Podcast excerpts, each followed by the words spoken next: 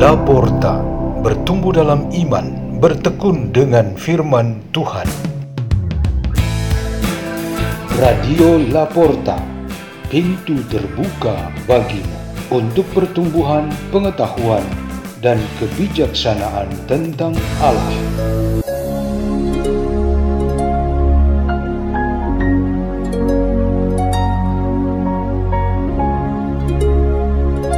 Bacaan dan Renungan Sabda Tuhan Hari Jumat Pekan Kedua Pasca 29 April 2022 Peringatan Santa Katarina dari Siena Perawan dan Pujangga Gereja.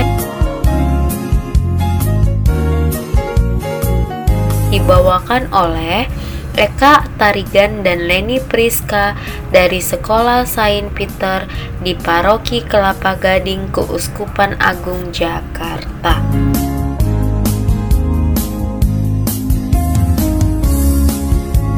Bacaan dari Kisah Para Rasul bab 5 ayat 34 sampai 42.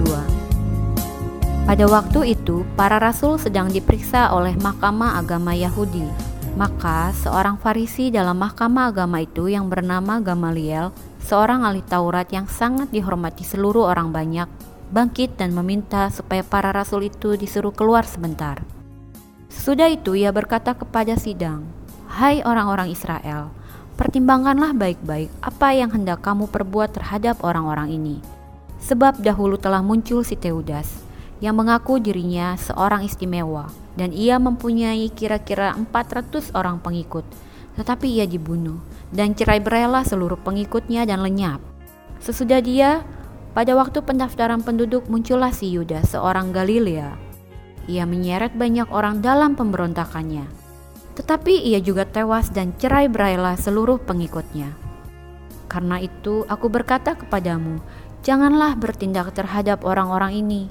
Biarkanlah mereka, Sebab jika maksud dan perbuatan mereka berasal dari manusia, tentu akan lenyap. Tetapi kalau berasal dari Allah, kamu tidak akan dapat melenyapkan orang-orang ini. Mungkin ternyata juga nanti bahwa kamu melawan Allah. Nasihat itu diterima. Sesudah itu mereka dilepaskan, rasul-rasul itu meninggalkan sidang mahkamah agama dengan gembira karena mereka telah dianggap layak menderita penghinaan oleh karena nama Yesus dan setiap hari mereka melanjutkan pengajaran mereka di bait Allah dan di rumah-rumah umat dan memberitakan Injil tentang Yesus yang adalah Mesias. Demikianlah sabda Tuhan.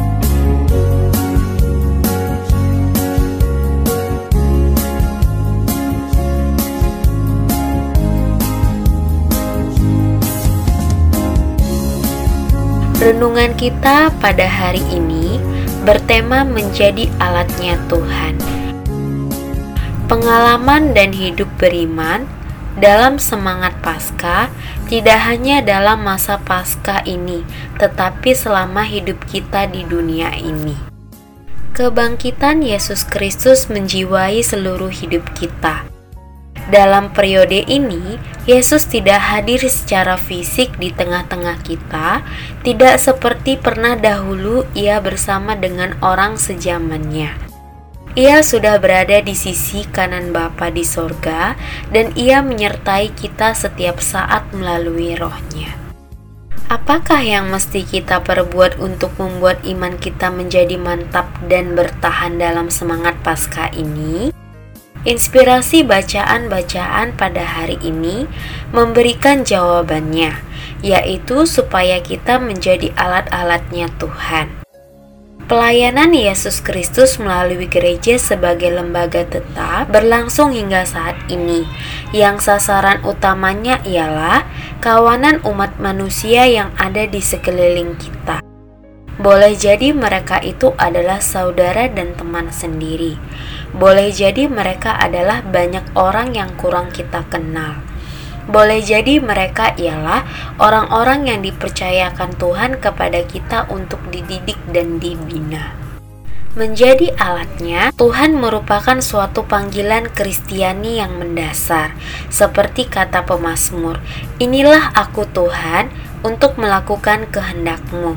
Mazmur 40 Hidup dengan menghayati panggilan untuk menjadi alat Tuhan ialah membuat Tuhan sungguh hadir secara nyata dan pribadi dengan tugas-tugas pelayanan Yesus Kristus yang adalah penyelamat, penyembuh, pengajar, pembawa, kebenaran, penghibur, dan pengampun.